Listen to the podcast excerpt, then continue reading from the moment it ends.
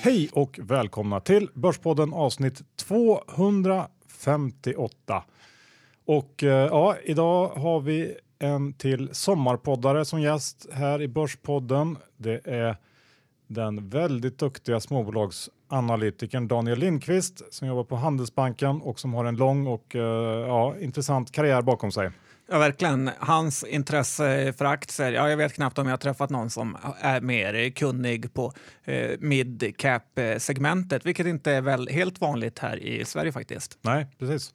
Så vi snackar eh, lite om hur han jobbar som analytiker, vad man kan tänka på, lite extra, nej, lite knep sådär som kanske inte alla småsparare känner till. Ja, en hel del case också. Ja, precis. Det blev ett väldigt eh, intressant samtal tycker jag. Och eh, kan vara värt att veta att vi spelar in det här den 17 juli på min födelsedag. Ja, hur gammal är du? 62? Något sånt. Um, så att uh, det, är, det, får man tänka på om vi pratar om bolag som kanske har rapporterat efter, uh, efter det här. Hur som helst, vår huvudsponsor är IG Markets. Ja, det är de. Och eh, det är ju väldigt kul, som jag vi pratade i tidigare avsnitt om, det här med Asien. Eh, du kan ju blanka alla möjliga index där i Kina, Japan, Eh, så jag tycker verkligen man ska ta sig en titt på IG för att det ger helt andra möjligheter än vad de vanliga nätmäklarna har. Och eh, dessutom följ Erik Hansén på Twitter och eh, Instagram där han dagligen egentligen kommer med nya förslag på roliga affärer. Ja, inget att tveka på. Gör det bara. Vi är också sponsrade av Lendify.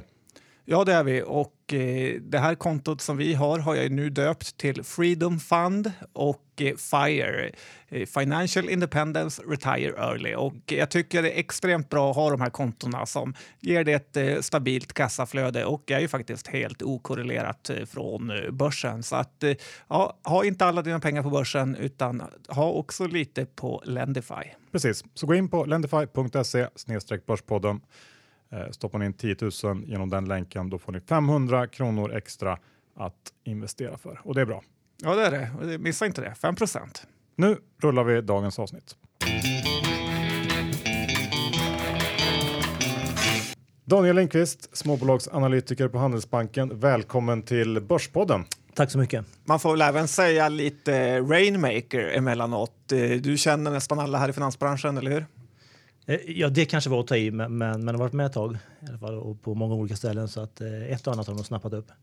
Ja, vi ska, vi ska gå igenom din karriär lite kort för att uh, lyssnarna ska få, få lite bättre koll på dig. Men jag tänkte bara börja med hur fick du upp intresset för, för aktier överhuvudtaget? Från allra första början så var det nog faktiskt så att jag köpte mig en, ett par aktieböcker på rea nere i Skåne på en semesterresa när jag var 11 år. Och eh, efter det så kom jag hem och trodde att, att det var ganska enkelt att börja köpa rederiaktier. Och eh, gick bra till en början och sen så vände det och gick emot mig. Men då var intresset eh, väckt. Men 11 år, stämmer det? 11 år stämmer, ja det gör det faktiskt.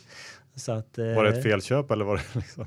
Nej, men det, jag, pappa var intresserad av aktier men inte, inte extremt. Eh, han höll på att vara med i såna här aktietävlingar på lokala Swedbank och sådär som man har sett lite grann eh, till och från. Och sen så, men det riktiga aktieintresset väcktes för först på gymnasiet, liksom att det blev något mer strukturerat där vi var ett gäng som var intresserade av aktier och gick ut på rasterna och tittade på text-tv och, och, och liksom på den nivån.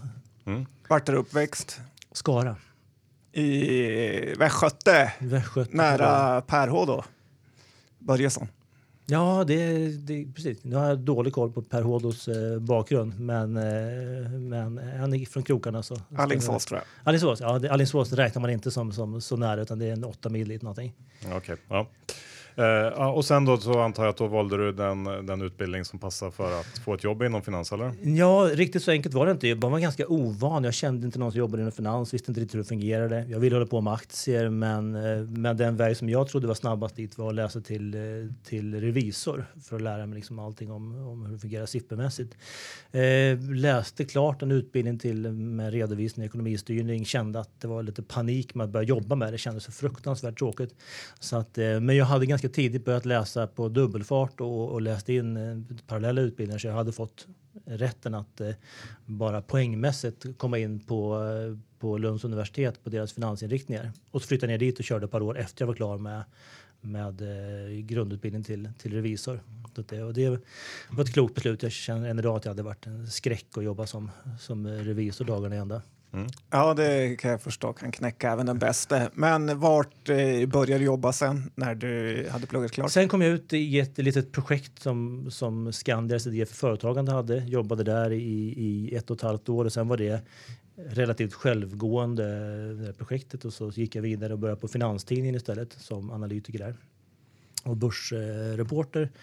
Och då var det ganska heta tider så då började de ju rycka folk ganska tidigt där så att det var liksom ett sånt där ställe som man plockade lite talanger ifrån. det var någonstans kring millennieskiftet? Ja, det var någonstans kring millennieskiftet precis och eh, så därifrån gick jag sen vidare till Redeye när det startades upp. Det var lite så att jag, då var min, den som var min dåvarande chef på Finanstidningen, Urban Ekelund, som startade upp Redeye. Jag var lite lockad av att jobba med någon som visste att man var duktig och att man inte bara plockades för att man hade gjort någonting eller var ett, var ett namn. gick över dit och blev kvar där ganska många år och gick därifrån sen till en, till en fondsatsning som då var i samarbete med Redeye från början. Men du måste ha varit en av de första anställda på Redeye? Ja, kan vi varit sex personer eller något sånt där på den tiden. Och då var det ja, sex, sju kanske något sånt där. Så det var jag och eh, en kille som hette Stefan Nelson på SE-banken som kom in som nu är finanschef på Leo Vegas som var de liksom första externt anställda i, i bolaget. Som kom in som, som någon typ av små delägare i det där. Just det, jag kommer ihåg den här, den här fonden, för det var väl en småbolagsfond va? Eh. Det var en småbolagsfond, precis. Så, så egentligen var det så här att, att det blev lite dåliga tider på det där jag och en kollega hoppade av och startade en egen fond ihop med, med samarbetspartners och sen så hoppade våra finansiärer av. Då gick jag tillbaka till Redeye och så, så med ambitionen att vara där i några år givet att man skulle starta upp en fond. Och, eh, och så hittade vi då ett fondbolag som vi startade en fond med efter ett tag. Som, och hela upplägget var att vi hade, haft, eh, vi hade drivit en tradingprodukt som varit väldigt framgångsrik mot hedgefonder. Och vi hade haft, en, eh, haft portföljer som hade gått väldigt, väldigt bra. Och när man har slagit index med, med 250 procent på sju år så blir det helt oseriöst att fortsätta med de här portföljerna. Det blir liksom inget, inget större värde i det efter ett tag så att då var vi tvungna att göra någonting med det som, som eh, blev, liksom var materiellt istället. Vad var det som gjorde att det gick så fruktansvärt bra? Jag tror att generellt så ska man nog räkna med att om någon har en låtsasprodukt som man, som man sköter och byter aktier varje onsdag och inte har några transaktionskostnader, inte har några, några spreadar när man handlar och så vidare, då ska det gå bra för de allra flesta. Och man kan ju tajma och ändra, göra ett nytt beslut samma morgon som, som, mm. som man tar beslutet och så vidare. Så att det är vissa förutsättningar. Och sen så egentligen vår framgång var att vi varje år hade ett par stycken stora vinnare som vi följde med i, som eh, Axis och det var ju många aktier som var ganska det var stora kursrörelser och, eh, och framgångssagor på den tiden som man kunde åka med under lång tid. Så att det, eh, det här Björn Borg som hette, då, hette de VBM på den tiden och så vidare. Så man kunde hitta liksom något eller ett par case per år som man kunde hålla i portföljen och så kunde det göra väldigt mycket för avkastningen.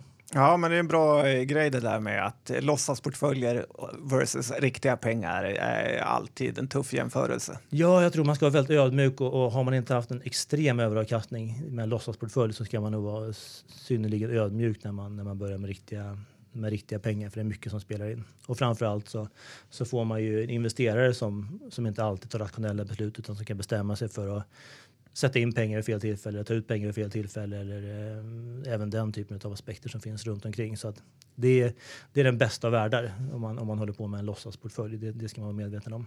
Och sen har du varit analytiker med på eh, olika, eh, på ABG tidigare. Ja, men precis. Så, så efter att den här fonden, jag var på fonden i sju år, efter att fonden sen eh, såldes med tiden så, så gick jag ut då till, några, till några firmor och sa att jag kan tänka mig att göra samma sak som jag hade gjort på fonden, det vill säga göra samma arbete som, som man hade gjort som fondförvaltare men istället prata med, med fondförvaltare om, om det jobbet. Och då tyckte Pareto att det var en bra idé att eh, ta in någon som hade det upplägget och som började jobba där. Och så var jag där några år och sen gick jag vidare till ABG och, eh, och nu har det blivit så att jag har gått över till Handelsbanken ytterligare några år senare. Så, att, eh, så nu har jag haft, jag är väl inne på mitt femte år som analytiker här i andra vändan efter att ha varit analytiker sju år innan jag var på den här fonden. Mm, bra, då har vi fångat upp dig där du är nu. Johan, ska vi sätta, sätta mot eh, väggen direkt här? Ja, men det tycker jag. Vi tar några snabba frågor också. Jan, börja du. Ja, det kan jag göra. Du har jobbat med nästan allting i finansbranschen som vi hörde här. Eh, vilket jobb tycker du är roligast? Jag tror att alla, alla jobb har sina för och sina nackdelar. Och I finansbranschen är det väldigt mycket en fråga om antingen ansvar eller tid. Och som, som fondförvaltare så har man ett ansvar som ligger över en hela tiden men man har en, en lugnare vardag. Och istället som, som analytiker så har man en, en mer arbetsam vardag men ett ansvar som är mycket, mycket, mycket, mycket mindre betungande. Man kan ha semester och, och slappna av relativt väl från jobbet istället för som sagt ha det över sig hela tiden. Mm.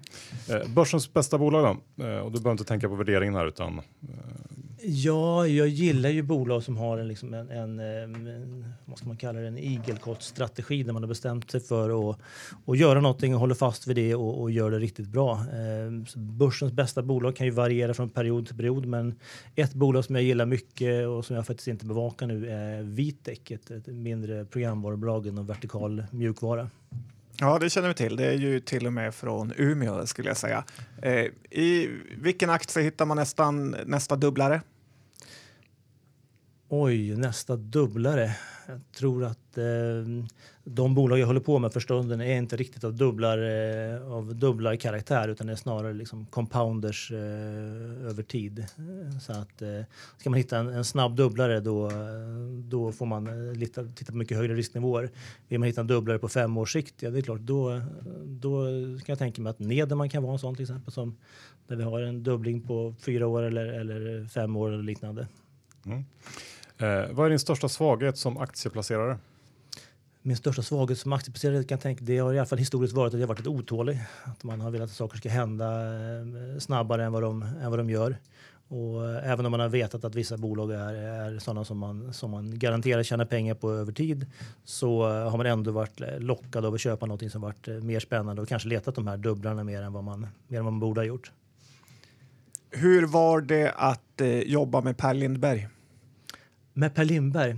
Ja, jag och Per hade inte så mycket med varandra att göra men det är, en, det är ju en synnerligen intelligent eh, person och eh, en, en, person som jag ska säga att man, man ska högakta för hans, eh, för hans eh, kunskaper. Och han är inte rädd för att, för att, att sticka ut. Det, det, det får man ge honom. Mm, verkligen.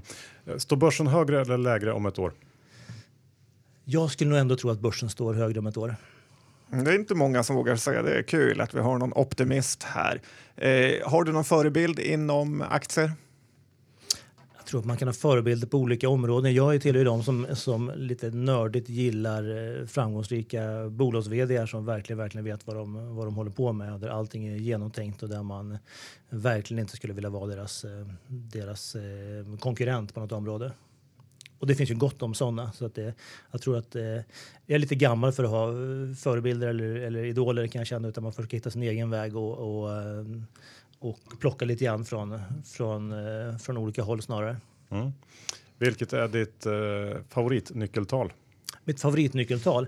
Jag tror att om man ska titta på någonting som, som investerare eh, tittar på som får så skulle jag säga att det enklaste är nog ändå att, att se på eh, vinsttillväxten bara.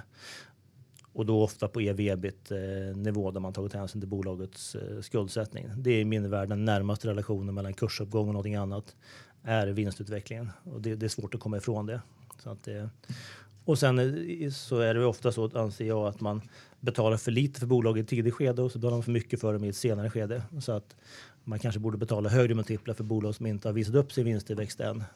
Istället för att ge bolag de högsta multiplarna på de högsta, på de högsta marginalerna som ofta är fallet. Bra råd där. Och så här i semestertider, vilken är den bästa semesterorten i världen? Den bästa semesterorten i världen? Ja, lokalt är jag väldigt förtjust i, eh, i eh, Ängelholm av alla ställen. mer av historiska skäl att man har att man har varit där i stort sett varje sommar och, eh, och känner sig väldigt bekväm där. Och internationellt så är jag väldigt förtjust i Barcelona. Ja, inga dåliga förslag det där. Ängelholm lät lite sådär i och för sig.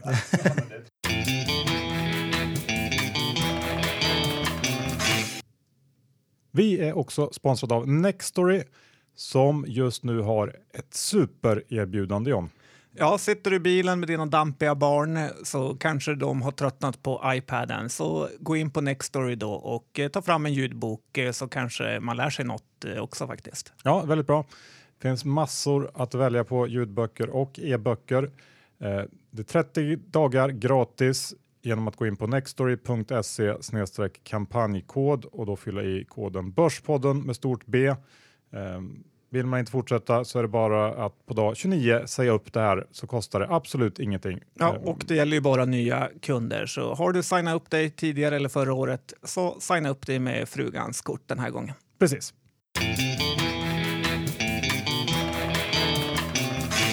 Eh, vi går över till, eh, till lite mer konkret aktiesnack. Om vi börjar med någon slags övergripande tänk som du har kring, kring aktier och hur du värderar aktier och vad du tittar på. Om du har någon sån eh, liten utläggning vi kan få höra. Ja, vad kan jag säga? Jag tror att det, man gör sig själv en tjänst om man, om man tittar på bolag som har en, en marknadsledande position, som har eh, bruttomarginaler som, som stödjer att man har en marknadsledande position och där man har någon typ av skalbarhet på sina kostnader de bolagen kan ofta få en explosiv vinstutveckling över tid och som sagt det här som vi pratade om tidigare så att man kan få att man kan få med om en vinstutvecklingsresa som dessutom stöds av att man hela tiden betalar högre multiplar för bolagen.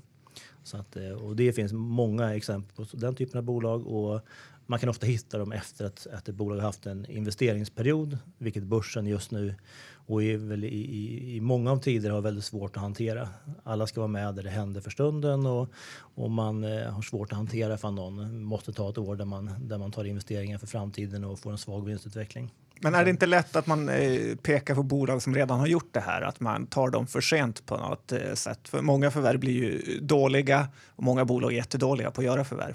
Så. Ja, om man tittar på förvärv, men det, det, man behöver inte ha en vinsttillväxtresa bara förvärvsdrivet utan det finns ju många exempel som, jag vet Johan har ju varit eh, prominent i Net Entertainment tidigare. Vi har eh, Biogaia, bolag som har en väldigt skalbar affärsmodell som man säljer via distributörer eller liknande och kan få hålla sina egna kostnader i schakt hålla höga bruttomarginaler, vara viktig för alla sina distributörer och, eh, och kan få vinsttillväxten på det sättet. Vi har HMS som är en fantastisk framgångssaga där man också har hela tiden haft fått skalbarhet på sina bruttomarginaler legat som ett rakt streck och så har man haft utväxling på att kostnader blivit mindre och mindre andel utav, eh, utav eh, ehm, av omsättningen istället. Så att, eh, det finns många exempel på dem och, och, de här bolagen, även om de kan tyckas vara upptäckta för länge, länge sedan, så handlas de ju på rekordmultiplar här och nu. Så att eh, jag tror att man, man gör sig själv en otjänst om man håller sig borta från bolag som varit framgångsrika. För framgångsrika bolag tenderar att fortsätta vara, vara framgångsrika.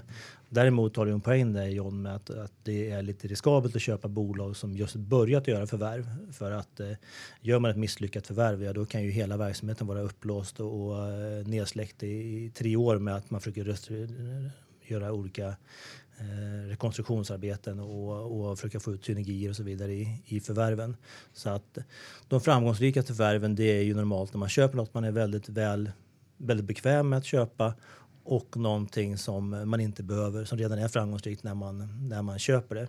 Det är ganska få som lyckas med de här omstruktureringsarbetena. Det finns exempel såklart. Vi har Nibe som är mästare på att effektivisera vad de än köper. Men eh, men överlag så ska man hålla sig borta från bolag som köper, eh, i alla fall vara helt säker på att de lyckas med det innan man köper in sig i någon som ackumulerar turnaround case. Du var inne på investeringar där, att, att eh, då kanske du letar efter bolag som som då är inne i någon slags tung investeringsfas som lite döljer eh, den underliggande utvecklingen på något sätt som marknaden inte riktigt uppfattar, eller? Ja, men lite så. Jag tror att det är, eh, det, det, det är väldigt tacksamt att, att, vara där när ett bolag har haft problem med ett affärsområde, kanske gör sig av med det affärsområdet eller har investerat tungt på något område och antingen i kapacitet eller i försäljningsstyrka eller någonting och sen kan man åtnjuta då effekten av det i, i nästa skede. Det brukar vara bra investeringar när eh, aktiemarknaden ogillar osäkerhet. Man får osäkerhet när man har investeringsperioder. Aktiemarknaden gillar vinsttillväxt. Man har ingen vinsttillväxt. Aktiemarknaden gillar framtidsförväntningar som är stegrande. Och i de lägena så har man, eh, så har man eh, dunkla framtidsutsikter ofta och får lita på vad ledningen säger. Och eh, att för en ledning att få förtroende oavsett vilket bolag tar ju ofta ganska lång tid. Så att, så det är få som, som lyckas gå helt eh, torrskodda genom eh, investeringsfaser. Har, har, du något, eh, något exempel, något konkret som, som är i en sån period nu? Eller, eller som, ja, vad har vi som håller på som är en investeringsperiod för, eh, för stunden? Eh, ja, vad har vi just nu? Dåligt exempel, men, men eh, New Wave får man väl ändå säga är inne i någon typ av investeringsperiod. Det handlas på väldigt låga multiplar och eh, skulle kunna vara en sån. Det är också ett bolag där, där man har eh, haft en trovärdig, i min värld, eh, vägledning historiskt om hur man, hur man har eh, och vad man ska göra framöver. Och sen tenderar ändå aktiemarknaden att vara överraskad när man, när man tar på sig investeringskostnader som man just gör nu för, för marknadsföring och för, för uppbyggnad i olika nya regioner.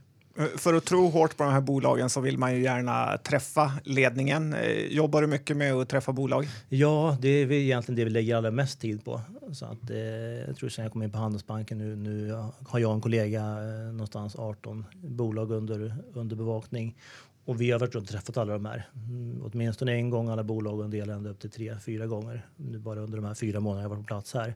Och generellt tror jag det finns en stor poäng i att träffa, att träffa bolag och bolagsledningar och försöka. Och man får inte komma så nära så att man, så att man, att man tror på allt de säger eller vägrar ändra åsikt. Men, men det, finns en, det finns ett stort värde i att förstå vad de har gjort eh, historiskt, varför de har gjort det och, och, kunna följa den här utvecklingen och bygga upp någon typ av eh, förtroende för varandra över tid.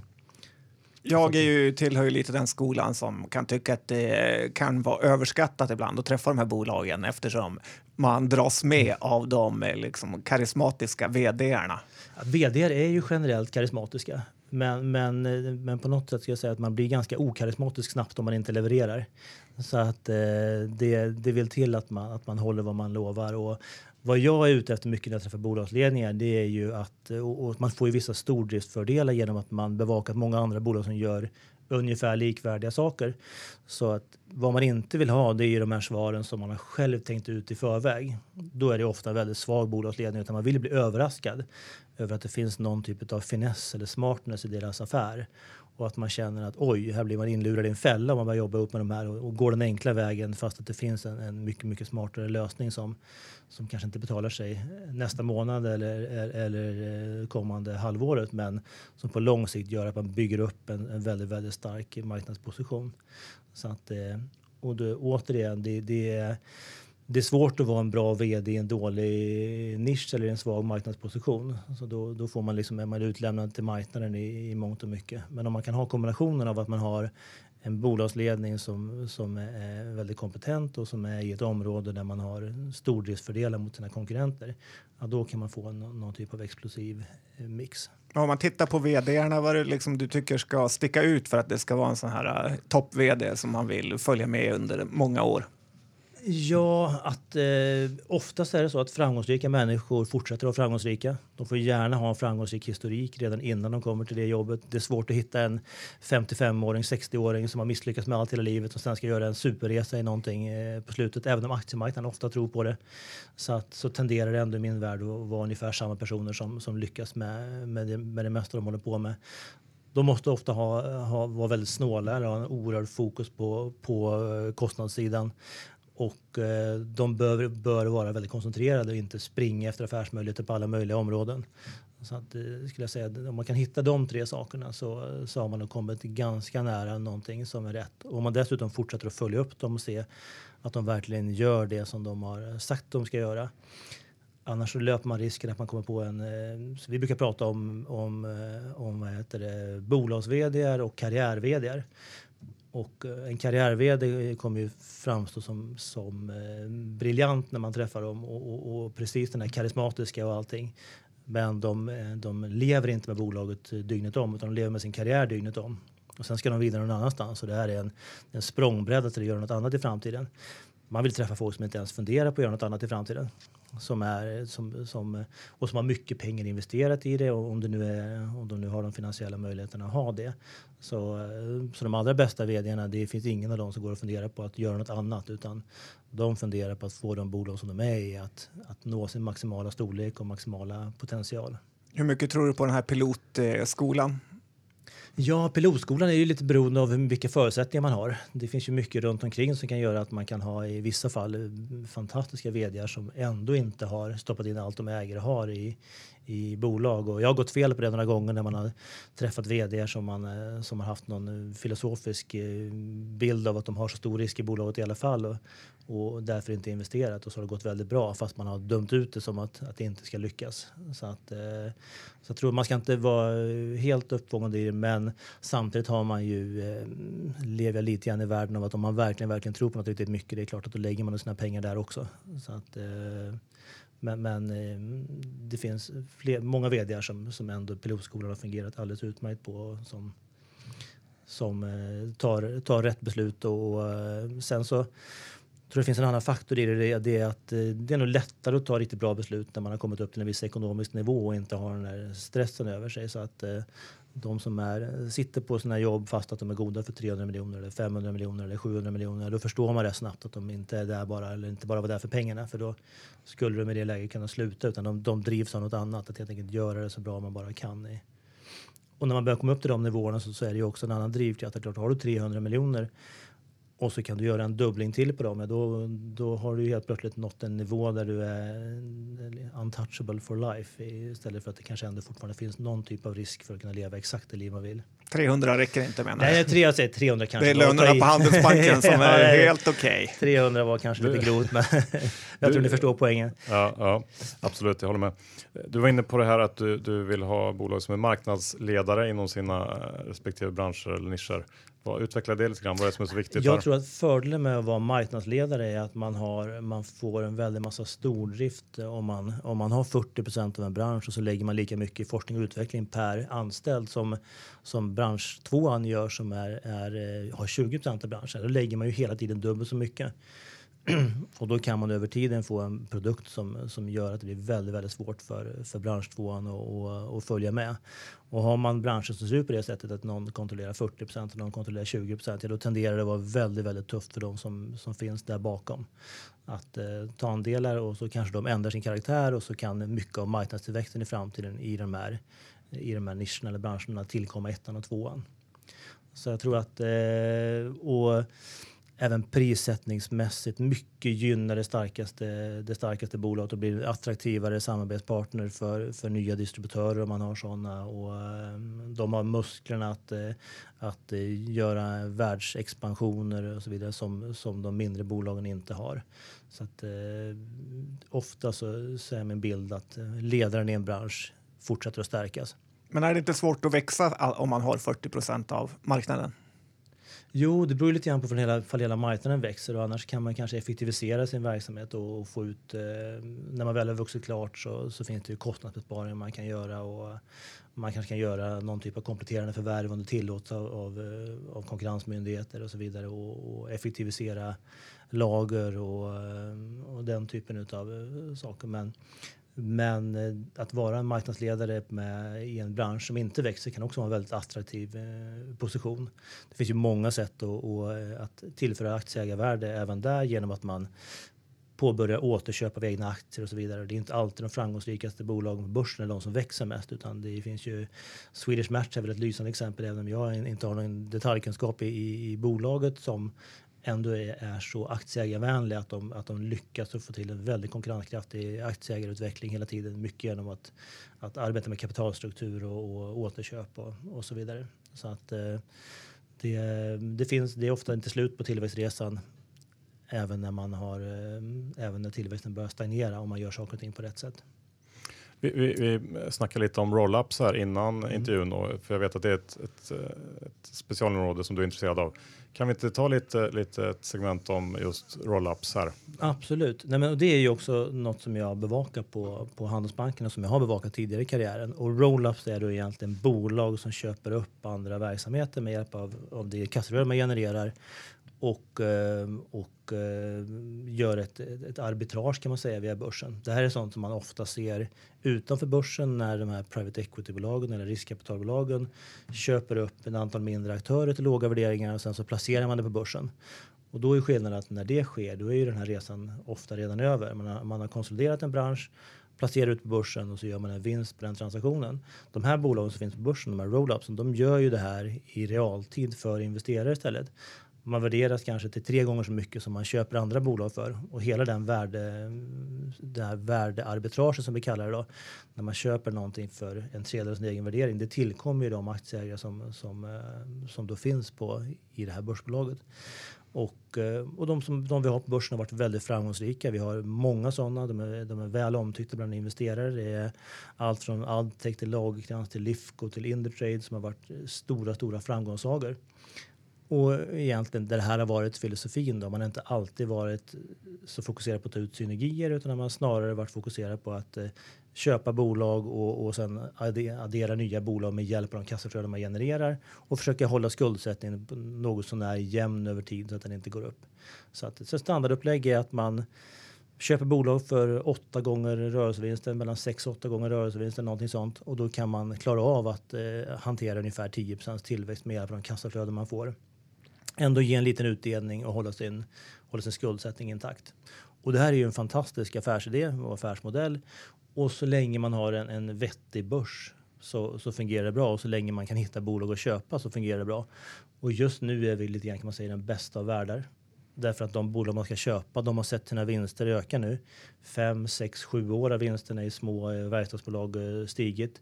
Och det finns alltid någon i, i, i släkten i de här, eh, hos de här säljarna som har varit med om sämre tider och vet att det här är ganska bra eh, möjligheter att, att, att sälja till ledningen har ofta blivit, eh, blivit till, eh, till ålders och, och, eh, och generationsväxlingar är inte lika vanliga som förr i tiden. Det är inte, inte ens på de marknader där det varit så allra mest som i Tyskland så är det säkert att, att släkten vill ta över. Så därför så finns det mycket bolag att köpa och säljarna finns där och är redo att sälja dem för stunden. Så det som är hotet mot alla de här bolagen egentligen är att konjunkturen viker ner. För om konjunkturen viker ner ja, då får de ju sämre siffror själva såklart för då tappar de i, i organisk tillväxt i, i sina verksamheter. Men den stora faktorn kommer vara att då kommer det bli väldigt svårt att hitta bolag att köpa. För man köper på innevarande års vinst. Man köper den vinst man redovisar nu eller den vinst man redovisade året innan. Och om man då inte är överens om vilka vinstnivåer som är rimliga, ja då kan det bli ett glapp på, på kanske 12, 15, 18 månader där det är väldigt svårt att upprätthålla den här, den här förvärvsdrivna tillväxten. Och då kommer, ju, då kommer multiplarna också komma ner så man får allting som motverkar den samtidigt. Så att eh, i, i goda tider eller eh, under normala omständigheter så är det här jättefina bolag att äga, även om man alltid tycker att de för stunden ser lite dyra ut. Men är det inte väldigt mäckigt för ledningar i de här bolagen att liksom ha eh, hundratals underbolag som rapporterar upp till en och dessutom måste leta ett gäng nya varje år för att upprätthålla tillväxten? Ja, man kan tycka det och jag tror att det, det, liksom, det kommer ju visa sig eh, lite grann när det blir dåliga tider vilka som har lyckats och vilka som inte lyckats. Men, men deras ambition är ju att de här bolagen ska vara så autonoma man bara kan. Man har normalt ett, ett par tillfällen varje år där alla träffas. Man har riktlinjer som går ut i hela organisationen. Man har styrmått som visar lönsamhet mot hur mycket rörelsekapital man får binda. Man har olika hjälpprocesser och så vidare som de här bolagen arbetar kring. Men, men ofta så är det så att om det blir sämre tider så är det de själva som måste ta beslutet om att, att göra sig av med personal och dra ner. Och den stora vinsten för dem att komma in i en sån organisation det är att när det är jobbiga tider så, så får de stöd från organisationen i så mått att de inte behöver prestera någon tillväxt utan man ser till att man bevakar sina kassaflöden. I perioder när det finns, när det finns tillväxtmöjligheter då kan man ta kassaflöden från ett annat håll och skjuta till dem och acceptera en lägre lönsamhet för att, för att jaga tillväxtmöjligheter istället. Så att, eh, men sen visst, det finns exempel på bolag som har fem i ledningen och, och över 200 över 200 bolag som de, eh, som de ska hålla koll på och eh, det är klart att någonstans under vägen kan det visa sig vara en utmaning men det har fungerat väldigt bra och, och de, eh, de befinner sig i nischer som gör att de är såklart beroende av den allmänna konjunkturutvecklingen men, men ändå kanske lite mindre känsliga än ett, än ett renodlat traditionellt verkstadsbolag. Kan vi inte ta något, något, eh, något eh, exempel som, som är lite färskt nu? Lifco till exempel som är ett, ett av de mer populära ja, svenska bolagen. Lifco är ju en väl uppskattad aktie och, och, vad man får i Lifco till skillnad från, från i några av de andra är ju att man får en bolagsledning som, och där, där pratar vi om en, en ledningsgrupp på tre personer egentligen och kanske i sin kärna två personer som gör hela det arbetet och, och, och eh, hitta bolag som har, eh, som har affärsmodeller som är, som är väldigt investeringslätta och där de kan komma in och, och egentligen i utgång, utgångsläget så vill de köpa verksamheter där man bevarar vinsterna. Det är kalkylen. Man betalar ungefär åtta gånger rörelsevinsten för bolag som man eh, tycker har, har väl fungerande marknadsförutsättningar och en stabil lönsamhet. Men i praktiken så, så går bolaget in och gör ganska stora förändringar Ungefär hälften av vd i de här bolagen får lämna om de inte, om de inte håller måttet till det som, som Lifco anser att man bör göra. Och pratar med dem så får de det låta väldigt enkelt för att vad de egentligen gör är att de ökar intäkterna och minskar kostnaderna. Det är klart att det är ju, det är ju sin linda det alla bolag vill göra. Men i det här fallet så är det så att de letar efter bolag som har så starka positioner från början så att man kan höja priserna. Så man får en engångseffekt av att man, att man får införa ganska kraftiga prishöjningar. Försöker hitta någon typ av eh, inflationspunkt eller en punkt där kunderna blir känsliga för att priserna blir för höga. Och så lägger man sig på den nivån och slutar att, att eh, rea ut sina produkter. Och sen ser man till att varje år försöka understödja någonstans 3 eh, prishöjningar.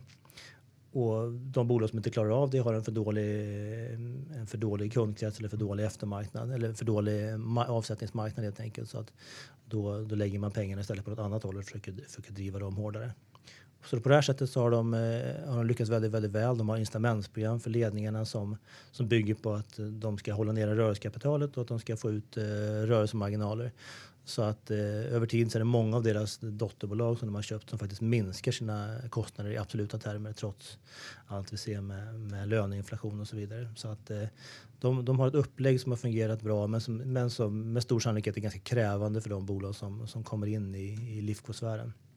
Men det här, det här eh, den här strategin att göra så här, höja eh, till någon slags mm, ganska hög nivå och sen försöka fortsätta höja lite grann varje år den, den medför vissa risker också. Eh, det ja, finns ju jag... exempel på nu, nu senast, för inte så länge sedan, det brittiska begravningsbolaget Dignity som, som hade en liknande strategi, vilket i, i förlängningen gjorde att de, de, eh, de skapade massa nya konkurren konkurrenter som, som kom in så, underifrån. Den risken löper man såklart även här. Man ska tänka på att det här är ju uppdelat i väldigt många separata enheter så att den risken är man säkert väl medveten om men man kan hantera den utifrån att man har en, en, en positiv förväntan på det som, som helhet.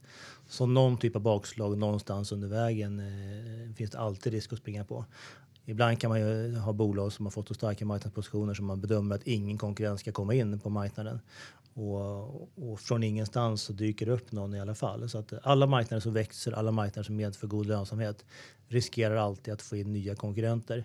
Och nu det här brittiska begravningsbolaget som man har hört om här som många investerare verkar ha, ha fått ordentliga smällar i. Så, eh, och där var det väl även lite, lite förändringar utav, det är väl en brexit-effekt också inblandat eh, på, på något hörn och så vidare. Ja, så att, ja. så att eh, sånt kan alltid inträffa och jag tror att man får, man får spä ut över, över hela linjen. Men, men i, Lifcos, i Lifcos värld så har de en enkel måttstock och det är att ingen vd har fått sluta för att han har varit för aggressiv med att höja priserna. Men däremot de som inte har eh, följt med, de, de får ha väldigt starka skäl för att inte göra det. Men som investerare kan det vara svårt att liksom förstå vad man ska följa när det gäller ett bolag som Lifco. Man vet inte vilket, vad som är viktigast eh, för dem. Vad, vad skulle du säga, vad är viktigast för att Lifco ska för, gå bra? För Lifco kan man säga så här. Vilken marknad? Vilken marknad? Vilken, de, de har ju ett antal eh, bolag som, som egentligen driver eh, tillväxt. Och då om man tittar på det så är upplägget så här. Man har ungefär 50 procent av verksamheten som ligger i dentalverksamheten. Dentalverksamheten är en, en typ av kassako som man använder för att generera kassaflöden för att köpa ytterligare bolag. Vi förväntar oss att, att tillväxten på det området inte kommer vara lika aggressivt förvärvsdriven som tidigare. Där hade konkurrensen tilltagit på flera marknader. Men det är fortfarande väldigt, väldigt bra och starka marknadspositioner och kassaflöden. Och sen så adderar man eh, förvärv och organisk tillväxt till Kinshofer och Brooks som ligger inom Demolition and Tools som är två världsledande bolag på sina, på sina områden. All, Brooks gör demoleringsrobotar och eh, de gör olika typer av, av kopplingar på, på lastvagnar för, för lyftar och kranar i, i Kinshofer-verksamheten. Och sen har man ett litet experimentområde skulle man kunna kalla det som heter System Solutions där man har fått med sig ett antal bolag från när man startade upp där men nu köper man då på sig nya bolag som, eh, som uppfyller de här kriterierna, har höga rörelsemarginaler och har en väldigt eh, investeringslätt eh, verksamhet. Så att det är de två områden man ska räkna med tillväxten i för framtiden och, och försöka följa den så att man får rörelsemarginaler som, som över tid ökar och eh, se att det inte är för, för stora svingar i, i de, de delarna. Men de här bolagen är, det, det, är svårt att, att titta på, på fundament. Jag tror att om man, om man kommer in som, eh, man, man, får mer köpa in sig i konceptet i de här bolagen. Kanske sprida risken emellan. Att sitta och analysera med bolagen på kvartalsbasis Ja, då får man en, en, en rapport som vi hade för, för Lifco i Q1 där, där kursen kommer ner med 10% på grund av tillfälligheter i rapporten och sen så fjädrar den upp och så kan det mycket väl vara så att, eh, att det här är kompenserat i nästa rapport. Så att eh, utgångspunkten är nog att, att, skaffa sin egen bild av vad man vill göra med de här och så försöker man köpa dem när de är, har någon typ av tillfällig svaghet. Det, ja, det är det man kan ge som tradingtips. Det är ja, bara köpa dem när de går ner och sälja dem när de går upp. Ja, det är väl lite så för att det är det är, eh, jag tror att investerare överlag är alldeles för fokuserade på vilka av de här bolagen som har vinsttillväxt för stunden.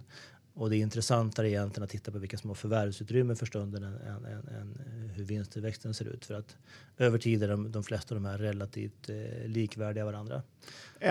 Du, jag ska inte grotta ner så mycket i Lifco. Det är ändå lite en sån här favorit bland investerare. Men mm. Nederman nämnde du här i tio snabba. Det är ändå ett bortglömt eh, bolag. Ja, det man säga. Kan du inte berätta lite om din take? Det är där? bortglömt och bortglömt. Jag tror att de flesta vet vad Nederman är för någonting. Men de har nog tagit ett aktivt beslut att inte vara med i Nederman. Nederman har ju, har ju klickat alla boxar de sista, de kom till börsen 2007. De, de fyller upp alla de här nya ESG-kraven. De, de fyller, klickar i alla de här gröna boxarna som man vill ha som investerare för att, för att göra saker och ting rätt. Eh, men de har inte haft någon organisk tillväxt att tala om. För de håller på lite med skyddsutrustning? Nej, de håller på med skyddsutrustning, de håller på med, med utsug och eh, industriell eh, ventil, luft, liksom, ja, luft. Precis, de är luftrening i industriella miljöer kan man säga. Och, och, och det här har varit lite, det finns lagstiftning på området men den, den följs sisådär för det finns ingen tvingande lagstiftning. Utan nu är det snarare så att nu kommer man till en, till en ekonomisk verklighet där man behöver göra någonting. Man får en effektivare, en eh, effektivare produktionsprocess om man ser till att man sköter de här delarna.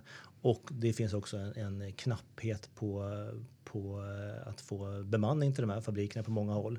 Och då finns det eh, en stor poäng i att man har en säker arbetsmiljö och att man har en, eh, att man har en attraktiv arbetsmiljö som lockar, lockar medarbetare helt enkelt. Så att nu är det av rent ekonomiska skäl som det börjar att lyfta för dem. Nu har vi haft tre kvartal i rad där vi hade 5% tillväxt i Q4, 3% i Q1 och 5% i Q2. Och det har, vi, det har vi inte haft och då pratar vi organisk tillväxt i den här verksamheten. Det har inte sett ut så väldigt länge. Man hade projektorder som, som, som var stora 2015 och när de sen föll ut och inte ersattes med nya i, i USA så har tillväxten för hela bolaget kommit ner. USA hade ganska hög lönsamhet och har liksom belastat hela, hela verksamheten. De andra regionerna har gått väldigt, väldigt bra. Både EMEA och, och APAC som då tillsammans står för ungefär 60 procent av verksamheten. Och det som har hänt nu är att nu börjar den här, den här Americas-verksamheten att ta fart igen. Så nu är det 40 procent av verksamheten där man kan på, på två, tre års sikt kan se kanske 3 procents marginallyft framför sig och det ger ju substantiella effekter i bolaget. Så nu får man både effektivare verksamhet från början som man kan addera nya volymer till och få, få ut väldigt bra marginaler på. Så att, eh, och det här handlas nu till 12 gånger eh, rörelsevinsten i år justerat för skuldsättningen. Och nu är vi vid halvårsskiftet ungefär. Om tre månader så kommer vi släppa 2018 och börja titta på 2019 siffror istället. Och tittar man in i 2019 då är det ungefär 10 gånger rörelsevinsten på det här bolaget. Och i min värld så tror jag, eh, likt det resonemang vi hade tidigare, att man kommer att, man kommer att ge det här bolaget bara högre och högre multiplar i takt med att de, att de levererar. När man kanske i själva verket borde betala eh, mer för den här optionen man har i bolaget här och nu.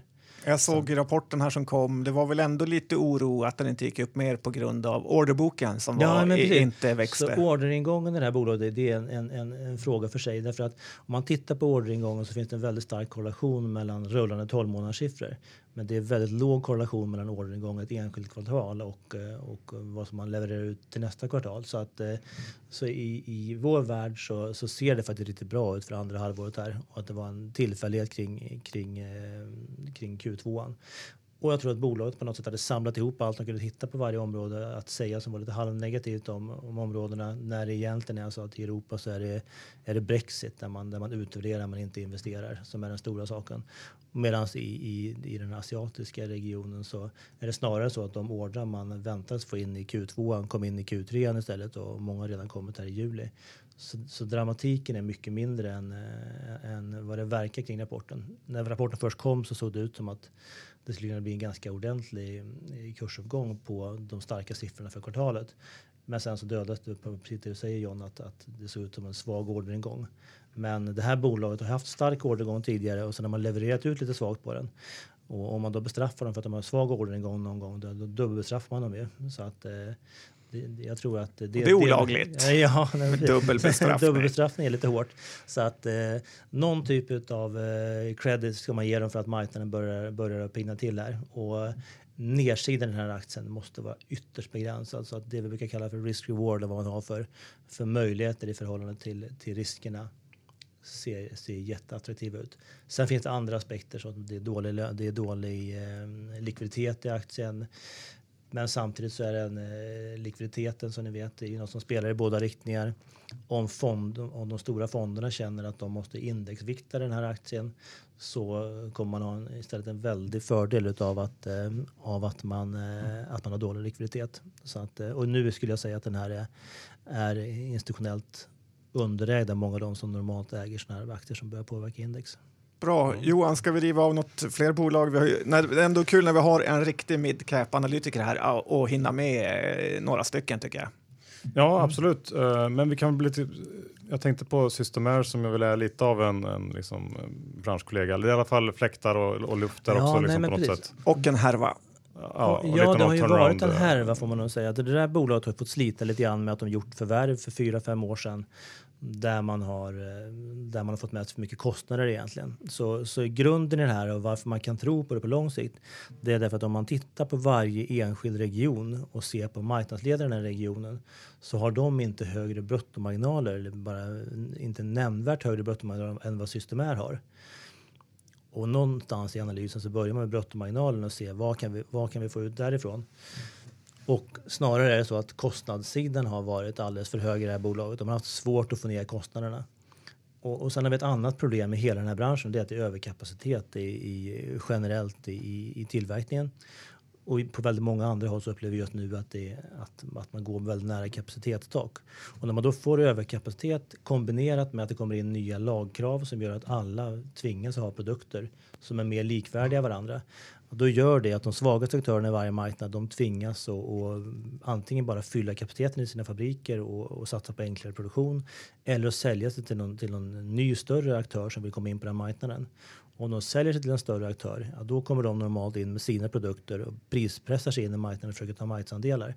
Så att det har varit ganska tuffa förutsättningar med några lågpris, eh, några, några som bara ska fylla kapacitet några som, eh, som har gått in och prispressat i, i marknaden och väldigt mycket projektordrar. Tidigare har de haft mer, eh, mer mindre ordrar med, med mindre professionella köpare och nu drivs väldigt mycket projektform där man har en, en pressad lönsamhet. Och det som tyngt bolaget på slutet där är nog att deras tyska verksamhet tog en prestigeorder som man, som man hade från början väntat sig ganska låga marginaler på och så hade man helt enkelt räknat fel på den. Så att även om det kommer ge dem affärer med tiden så, så var det inte värt den prestige som det gav dem. Så att eh, jag tror att det här är, eh, det är ett, ett, bolag som fortfarande behöver tid att växa in i sin kostnadsbas. Och man kanske kan skynda på det här. Man har ju sparat, eh, effektiviserat och gjort, man har haft engångsposter i mer eller mindre ett och ett halvt år i sina rapporter. Investerare är ganska trötta på det här bolaget nu. Men jag tror att man kan skynda på det. Antingen så räcker det man har gjort nu och då kommer vi veta det genom att då gör man ingenting mer de närmaste sex månaderna. Alternativt så kommer en större engångspost när man stänger ner en fabrik i Frankrike eller kanske Italien eller, eller Tyskland. och då är det troligen slutet på den här, på den här eh, resan. Så att en negativ händelse skulle kunna vara det som, som får den här aktien att vända upp och där man börjar se ljusare på framtiden. Men Systemair är väl lite, det kan man säga då, ett negativt exempel på det här roll-up-bolagen. Ja, nu har ju, de hamnar ju i det läget som, som man inte vill hamna i, att man har gjort förvärv som man får slita med och sen har de ju i stort sett inte gjort någonting efter den här perioden. Nu har vi haft en fyra år där man bara arbetat med gamla förvärv och gjort några små, små eh, add-ons i, i marknaden. Så att de var nog lite ivriga, jag tror att de haft en bra marknad med sig. De är ju en väldigt uppskattad köpare i marknaden. Eh, de har kunnat köpa bolag och sen har man vetat som säljare att de har, att de har levt kvar för all framtid och satsat på det. Och nu skulle man kunna komma till ett läge där, där de, även de måste skära ner och vara lite, lite, ta i lite kraftfullare med det man har, det man har köpt sig. Så att eh, det, det visar sig också att det är ganska svårt att köpa saker i, i Sydeuropa. Vi är vana som svenskar att det kan vara svårt att köpa bolag bara i Danmark och Tyskland men att om man då går ner på på, I Sydeuropa så har man väldigt starka fackföreningar och så vidare som gör att saker och ting går lite långsammare än vad man är, vad man är van vid på andra håll. En annan grej jag tänkt på med Systemair är ju grundaren där, Gerald Engström, vad heter han? Mm. Han är ju mycket, han är garant i olika grejer. Det känns som han har lite felfokus eh, också istället för bara satsa på bolaget. Vad säger du om honom? Om honom. Jag tror att han har varit väldigt, väldigt värdefull för att bygga upp den här marknadspositionen från, från eh, början. Nu har han lämnat över till, till eh, en lokal ledning och en del tycker att de, de kanske varit lite bakbundna av att eh, Gerald fortfarande funnits i, i bakgrunden. Men eh, jag tror att alla i bolaget är överens om vart de, vart de behöver gå för, för framtiden. Vad Gerald gjorde och varför Gerald har eh, möjligheten att vara med på, på flera andra håll är ju att när det här bolaget kom till börsen, det var väl också 2007 som, som Nederman, så, så sålde ju Gerald ut aktier till, till allmänheten och de pengarna han fick in där har han investerat på andra håll och lyckats väl med. Så han har, han har, har stora möjligheter att vara med på, på andra håll och ger också en, en ekonomisk stabilitet åt den här åt Systemairs verksamhet. Jag för mig han garanterar Sub-Aero en gång i tiden så att, eh, då blir man alltid lite nervös. Det, jag tänkte vi kan gå in på eh, Nolato som ju haft en, en makalös utveckling på börsen de sista åren. Ja, eh, nej, som jag såg att du har i alla fall light-täckning på. Ja, vi har ju precis. Det är, det är ganska. Det är en nyvunnen eh, vänskap, eh, Nolato, men, men vi har träffat dem ett antal gånger och, och, och vad heter det? Vad man kan säga där är väl att det där bolaget har nu fått betalt för slitet som de har genomgått under väldigt, väldigt många år. Och den stora grejen nu är ju att man får, har fått in e-cigarettordrar från, från Asien via en eh, icke-nämnd, eh, ett icke-nämnd tobaksbolag och som har gett dem en oerhörd tillväxt och, och väldigt bra eh, lönsamhetstillskott. Så att, och då är investerarnas stora farhåga att, att volymerna här kommer att gå ner eller att man måste dela volymerna med, med någon annan tillverkare för, för framtiden och att, att värderingen då skulle te sig högre i, i, i bolaget utifrån det. Så det är liksom det man har, det man har emot. Och i andra änden så, så får man säga att det här det har varit en, en oerhörd eh, framgång och de lyckas just nu på alla sina, alla sina tre affärsområden. Och historiken visar ofta att när det börjar bli fråga om att dela volymer så delar man ofta på tillväxten och inte på de befintliga volymerna. Så att eh, jag vet inte om ni har en bättre bild än vad jag har om, om hur e-cigarettsmarknaden kommer att utvecklas. Men, men eh, om jag har förstått det rätt så ska det bli en stor framgång för, för eh, Nolato. Då ska det vara e-cigaretter med de här stickorna i som ska lyckas och inte e-cigaretter med, med vätska i. Så har man en stark bild där då, då, då kan man, eh, därför att det är en stor skillnad i prisfaktor i, i tillverkningen mellan de två. Okej, okay, ja. Men, men, kan inte det här vara liksom ett exempel på ett bolag som, eh, som du var inne på förut som har liksom genomgått en tung period och nu börjat liksom tjäna mycket pengar, vinsttillväxten är på topp och så vidare och multiplarna också på topp. Att det nu får man ju betala väldigt bra för det här också. Ja, nu får man betala väldigt bra för det här, absolut. Och folk har ju haft en, en jätteresa i det. Oftast är man ju för tidig med att, med att gå emot sådana här eh, bolag och vi har ingen officiell rekommendation på det här bolaget så att, eh, och har inte liksom, kunskap på den nivån att, att eh, liksom, det vore rätt av mig att rekommendera någon att göra någonting. Men, men det är klart att det här är ett bolag som alla andra. Man, man har genomgått den här fasen, man har fått upp en, en ganska... värderingen är, är på, på högre nivå mot vad den har varit historiskt. Och nu tror jag att man kommer vara i ett läge där man inte kommer få mer hjälp utav, utav multiplarna som kommer att stiga utan nu behöver man prestera vinsttillväxt för att hålla uppe den här, för att hålla uppe den här värderingen. och gör man det eller det visar sig att e-cigarettmarknaden bara är i sin linda och, och, och de liksom har särskilt väl lämpade förutsättningar, vilket de förefaller ha, för att tillverka e-cigaretter i de volymer de gör ja, då kanske vi bara sett början på det här. Så det är det som är lite svårigheten här. Ja, man kan summera den då som något slags bett på, på den här e-cig-grejen. Just nu skulle jag säga att för, för, i det här fallet så bör man nog ha en uppfattning om, om e-cigarettmarknaden och underliggande så skulle jag säga att det är ett, ett oerhört välskött, eh, välskött bolag. Men, eh, men det finns onekligen ett inslag av att man, eh, man bör ha någon typ av uppfattning om, om e-cigarettutvecklingen. Mm. Låter eh, bra. Det är kanske inte så många som har det där ute. Men en annan grej vi måste prata om är ju New Wave och eh, Torsten Jansson. Har du träffat han någon gång? Ja, vi har haft ganska mycket med Torsten att göra under åren. Haft med investerare och träffat honom och vi har varit i, i, på eh, flera olika marknader och i flera olika sammanhang. Berätta lite om han. Hur är han? Jag skulle säga att han är en fantastisk eh, entreprenör. Eh, när man pratar med hans personal, jag hade förmånen att träffa hans Benelux-chef på någon tillställning här för ett tag sedan, så, så, så, finns det ingen mer stödjande chef att ha bakom sig än, än Torsten i hans värld. Eh, Torsten är alltid offensiv, siktar framåt, eh, vill ha tillväxt och väldigt positivt eh, inriktad och ser möjligheter och, eh, och oerhört rolig att jobba med. Och pratar man själv med Torsten så säger han att det finns bara två alternativ. Börjar man jobba hos honom så är man antingen där i tre månader eller så är man där i 13 år. Det är liksom, eh, och, och om man är där i tre månader så beror det ofta på att man har svårt att räkna. Man ska kunna ta beslut vid sittande bord och man ska ha, ha koll på huvudräkningen. Och så måste man acceptera att, att Torsten har ett finger med i spelet i, i, i väldigt mycket som sker i det där bolaget. Men börsen behandlar ju Torsten och New Wave ganska dåligt nu. Det är P10. Ja, nej, och, precis. Jag har sett att det är en oerhört låg värdering och, och vad Torsten har fått lida för är ju att han dras med ett stort varulager. Så, så den enkla kritiken mot bolaget är att, att varulagret gör att avkastningen på investerat kapital blir oerhört lågt.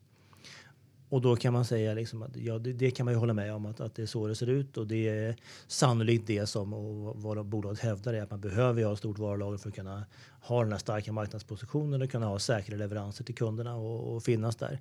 Och i de perioderna det gått lite sämre så har man fått frigöra lager men då tappa i leveranssäkerhet istället. Så att eh, så jag tror att som man ska se på det och som någon sa någon gång så de har ju produkter i lager som, som är relativt okänsliga för, för eh, tid och, och konjunktur. En vit t-shirt går att sälja nu likväl som, eh, som någon gång i, i framtiden. Det är ganska långa leveranstider på de här så man behöver ha dem i lager ett tag. Och när det varit dåliga tider så, så har ju det här varit deras räddning kan man säga. Att man har haft en krona i lager och kunnat bli två kronor när man har sålt ut den och man har kunnat vara sin egen bank i de här, i de här jobbiga tiderna. Så att eh, tror att blir det sämre tider då ska man vara glad för det där stora lagret igen för att annars kan man hamna i ett läge där man har haft ett litet lager och sen varit tvungen att springa till eh, och, och, och be om nåd hos bankerna för att få, för att få finansiering istället. Och, och nu vet man att om det någon gång viker ner så kommer de här frigöra oerhört stora positiva kassaflöden. Så i min värld så är det två saker som folk har svårt med med New Wave. Ett, att de har så dålig avkastning på investerat kapital. Och två, att de, att de inte har några positiva kassaflöden när de växer för att de binder upp i, i rörelsekapital. En sak eh, jag och Johan har pratat om är ju att de borde sälja ut Craft till kanske Amer Sports eh, ja, eller något. Eh, vad, vad, säger du om det? Jag tror att det skulle vara kraftigt värdeadderande att göra det. Men jag, jag tror att eh, det är ingenting som kommer att ske utan det är väldigt tätt sammanknutet med distributionen för katter och back och det finns stordriftsfördelar i det. Och Torsten har själv vid något tillfälle sagt att eh, om det är jobbet någonstans, ja, då kan han åka till, till eh, Craft i Borås sätta sig och lyssna på killarna där och så mår han bra igen. För där, är, där är allting i full fart, offensivt och, och framåt. Så att, eh, jag, jag, tror att det där är ett hjärtebarn för, eh, för Torsten. Väldigt svårt att se det, även om det skulle vara oerhört positivt, kanske både för varumärket som skulle kunna läggas på, sättas på Nasdaq-börsen och, och, hjälpa en, en varumärkeskännedom på en ny marknad och, och, för värderingen. Därför att det tillför ju inga stora vinster idag utan man satsar ju väldigt hårt in i det här bolaget. Och den andra verksamheten skulle nog vara svårt att värdera ner så oerhört mycket som, som det skulle tillföra i värde som eh, att, att sätta, separat. Men som sagt, jag har haft diskussionen och jag, jag, har svårt att se att det kommer hända någonting på det, på det området. Grabbarna i Borås är för värdefulla. Ja, ja precis. Jag tror att de är likt, likt andra uppskattar nog Torsten lika mycket som han uppskattar dem. Ska vi, tiden går här, men ska vi ta eh, Ska vi ta något avslutande case som du känner att... Jag vill ju gärna prata Vitec. Ja, du vill gärna prata Vitec. Det är ju ändå Umeå-bolag eh, som eh, vi har. Va, vad säger du om det? Det är roll-up inom IT-tjänster kan man säga. Ja, men precis. Och vertikal mjukvara är ju ganska speciellt. Det, vilket innebär? Vilket innebär att, att man är i, i ett område, en, en, nisch som är så liten så att man, det finns ingen ekonomi i att köpa in alla de programvaror man skulle behöva. Man kan inte ha ett speciellt säljstödsystem och speciellt redovisningssystem. Och, och ett, eh, så man kanske kan behöva fyra, fem, sex olika system för att driva sin verksamhet. Men om man då är på ett litet område där inte mycket händer och som har sett likadant ut de sista 30-40 åren så tenderar det att utvecklas programvaror som täcker in alla de här små nischernas behov. Ganska enkla programvaror som har, har sitt ursprung i att man haft någon, någon Excel-kunnig person och någon som sätter behov i ett bolag och så har det här vuxit fram över, över tiden och snarare fått en storhet av att, av att det har pågått länge utvecklingen än att det är några fantastiska programvaror. Jag tror på de flesta områden de här så är folk lite lätt missnöjda med, med sina programvaror. De, de ter sig inte så, så, så oerhört speciella. Men eh, en mäklare kan i ett sånt här system göra allt från att hämta in uppgifter från Lantmäteriet till att lägga ut sina bilder till att plocka upp ett antal kontrakt som behövs och så vidare. Och en, en fastighetsägare kan, kan göra en rad eh, manövrar och allt från att hantera hyresgäster som har inre reparationsfonder till att de har eh, en parkeringsplats vid en fastighet, ett förråd i en annan och bor i en tredje och så vidare. Så mycket storheter som, som annars skulle behöva sitta som, som gula lappar på, på redovisningsavdelningen eller ekonomiavdelningen varje månad när det skulle faktureras. Och de här typerna av nischer vad som är intressant med dem är att det är ganska få som fokuserar på att köpa dem. Bolagen framstår som ganska så ointressanta och de flesta vet inte om att de existerar. Men vad som är fördelen med dem är att om, man är verksam inom en sån här nisch så vet alla om vilka programvaror som finns att köpa. Om det finns tre eller fyra alternativ så vet man att de finns där. Så till skillnad från andra programvarubolag så behöver man inte lägga några pengar på marknadsföring, vilket annars är en stor kostnad för att slåss om marknadsandelar. Så här är det en marknadsledare och det är ofta Vitex som, liksom som är marknadsledaren och de försöker köpa in sig i nischer där de kan bli, där de kan få den ledande positionen. Så köpa ett bolag och kanske köpa ett bolag till och slå ihop de två. Och sen över tid se till att man samverkar med, med utvecklingen och, och kan spara pengar på det sättet.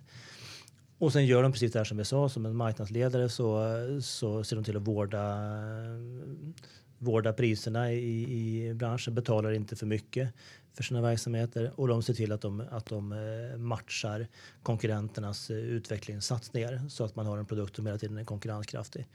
Och över tid så gör det här att, eh, att bolaget kan då, nu handlar det om runt 20 gånger rörelsevinsten, kanske lite drygt här, och så köper man bolag för sex gånger rörelsevinsten. Och det blir en väldigt bra ekvation med tiden. Och det här bolaget är ju lite aggressivare till och med historiskt än vad man sett Indutrade och Lifco och de här bolagen vara och köper uppåt 20-25 procents eh, tillväxt per år. Och just nu vad som gör att det här är intressant, det har varit intressant hela vägen, det har varit en fantastisk framgångssaga på börsen. Men det är att när man tittar på dem så framstår det som att väldigt många av de här grundarna till bolagen är nu i pensionsålder så 65 plus som sitter och äger de här verksamheterna. Och många av dem har inte ens vetat om att det funnits någon, någon rimlig köpare för deras verksamhet. Så när Lifco köper ett finskt bolag inom en viss nisch, ja då kan det till och med vara så att, att andra inom den nischen hör av sig till, till Vitek och, och även ser om de kan vinna sig att köpa det bolaget. Så att, eh, om siffrorna stämmer exakt eller inte, men vertikal mjukvara är någonstans 30 procent av, alla mjuk, av all mjukvara i, i världen. Så det finns väldigt mycket potential. Och det finns, om man tittar utomlands så finns det ett antal eh, riktiga success stories på det här området, vilket man väl även får kalla, kalla Vitek. Det är ju långt ifrån oupptäckt. Men man har Constellation Software i Kanada som har gjort en fantastisk resa. Man har Verisk och man har Enghouse och, och så vidare. Så att det finns oerhört mycket, eh, mycket framgångsrika exempel på, på bolag på det här området. Men, men, om, man, tittar på Vitex så, som är negativt, då, att dels är det ju ganska dyrt, eh, som du säger, 20 gånger ebit, mm. men även att bolagen i den här gruppen växer väldigt eh, lite kan jag tycka. Att de får nästan bara köpa sig till tillväxt. Ja, och där finns det ju, finns ju flera skolor på det där kan man säga. Om man då tittar på, på det vi pratade om, begravningsbyråer och, och, och eh, Lifco och så vidare med tillväxt tidigare så är det något man är ganska säker på så är det att om man köper ett bolag som inte växer Ja, då, vad man får med sig då är att det är väldigt få som är sugna på att komma in i just den, just den nischen. Så att då får man mata ut eh, effektivitet i de här bolagen istället. Man får gå igenom deras utvecklingsprocedurer, man får se ifall, ifall man behöver, ha, eh, behöver göra naturliga ersättningar ifall någon slutar på utvecklingsavdelningen eller ifall, eh, om man har en konsult som, som arbetat med utbildning så kanske man kan göra det på annat sätt och så vidare. Och så kan man arbeta med, med att få ut mer lönsamhet i det helt enkelt. Så att historiskt sett så till skillnad från flera av de här så har ju faktiskt Vitec i de här 30 plus förvärven gjort gått in och aktivt förbättrat lönsamheten i bolagen. Så de köper ju inte bara bolag mycket billigare än de själva värderar till och ganska mycket utan de gör ju dessutom operationella förbättringar i dem med tiden. Så att, eh, så att jag tror att vid varje tidpunkt och den, den vanliga kritiken man får kring det här bolaget är att om någon träffar dem så, så känns det ganska trist och, och, och, och torrt så bolaget. Men aktiekursutvecklingen visar ju något helt annat. Så att, eh, och jag tror att den här resan är, nog fortfarande långt ifrån över i det här bolaget. Nu har vi ingen officiell bevakning eller täckning på det men affärsmodellen som, som, som sådan är nog gedigen och, och rustik och det finns ingen i den här regionen som, som konkurrerar med dem för att köpa samma saker utan några små privata initiativ och, och så börjar Constellation via dotterbolag och köpa något, något enskilt bolag här och var. Men det finns nog många år kvar i just att även bara hålla sig vid Norden för att köpa bolag. Spännande. Man kanske borde titta mer på, på Vitek. Um, ja, John. Ja, det är svårt. Sällan man träffar så här aktieintresserade personer som dig, Daniel. Det får man ändå ge dig. Eh, ja, du får se. Man, man har ju hållit på ett tag så det, så det är klart att lite har, lite har fastnat. Uh, vi, vi spelar in det här mitt i uh, brinnande rapportperiod, den mest intensiva veckan. Får du vara ledig någonting eller blir det jobb nu? Det här är min sista vecka innan, innan semestern faktiskt. Jag har, uh, jag har nog flyttat runt lite rapporter men jag tror att jag har nio rapporter den här veckan. Och så var det ganska intensivt förra veckan också. Men, men hellre det än som det var i Q1-rapporterna. Då har man ju stämmer och nomineringskommittéer och så vidare. Så att då, då sprider man ut det här över 6-7 veckor istället. Så att man, man är betydligt mer sliten efter Q1 än vad man kommer vara efter Q2 är min, är min gissning. Bättre att riva av plåstret direkt. Sen drar du till Ängelholm. Ja, jag, jag, skulle gärna göra det, men det, det ser inte ut att bli så i år. Det är... Ja, eh, stort tack Daniel, det var väldigt intressant att, att få höra dina tankar kring aktier och kring många av de här bolagen. Ja, men tack för att jag fick komma. Tack för det Daniel, väldigt många kloka ord. Ja, verkligen. En sån här kille är man glad att hugga tag i. Det finns ju trots allt bara ett eh, fåtal eh, analytiker som följer midcap-bolagen. Så är det. Vi tackar IG som är vår huvudsponsor. Ja, signa upp er på morgonbrevet, följ Erik, så tror jag inte ni kan eh, misslyckas med ert investeringsliv där ute. Nej, jag tror eh, också så faktiskt. Och vill ni ha ett eh, nytt fräscht kassaflöde som inte kommer från börsen, vad ska man göra då John? Ja, då går man in på Lendify och eh, ser om de har något man kan erbjuda. De har något som vi är väldigt nöjda med och har testat nu i snart två år. Ja, Lendify.se snedstreck börspodden för då får du den här extra 500-lappen om man stoppar in och investerar minst 10 000 kronor. Mm, helt rätt. Och som sagt, Nextory 30 dagar gratis lyssning och läsning. Nextory.se snedstreck kampanjkod och sen koden Börspodden. Ja, lätt som en plätt. Bra, tack för att ni lyssnade. Vi hörs om en vecka igen. Hej då!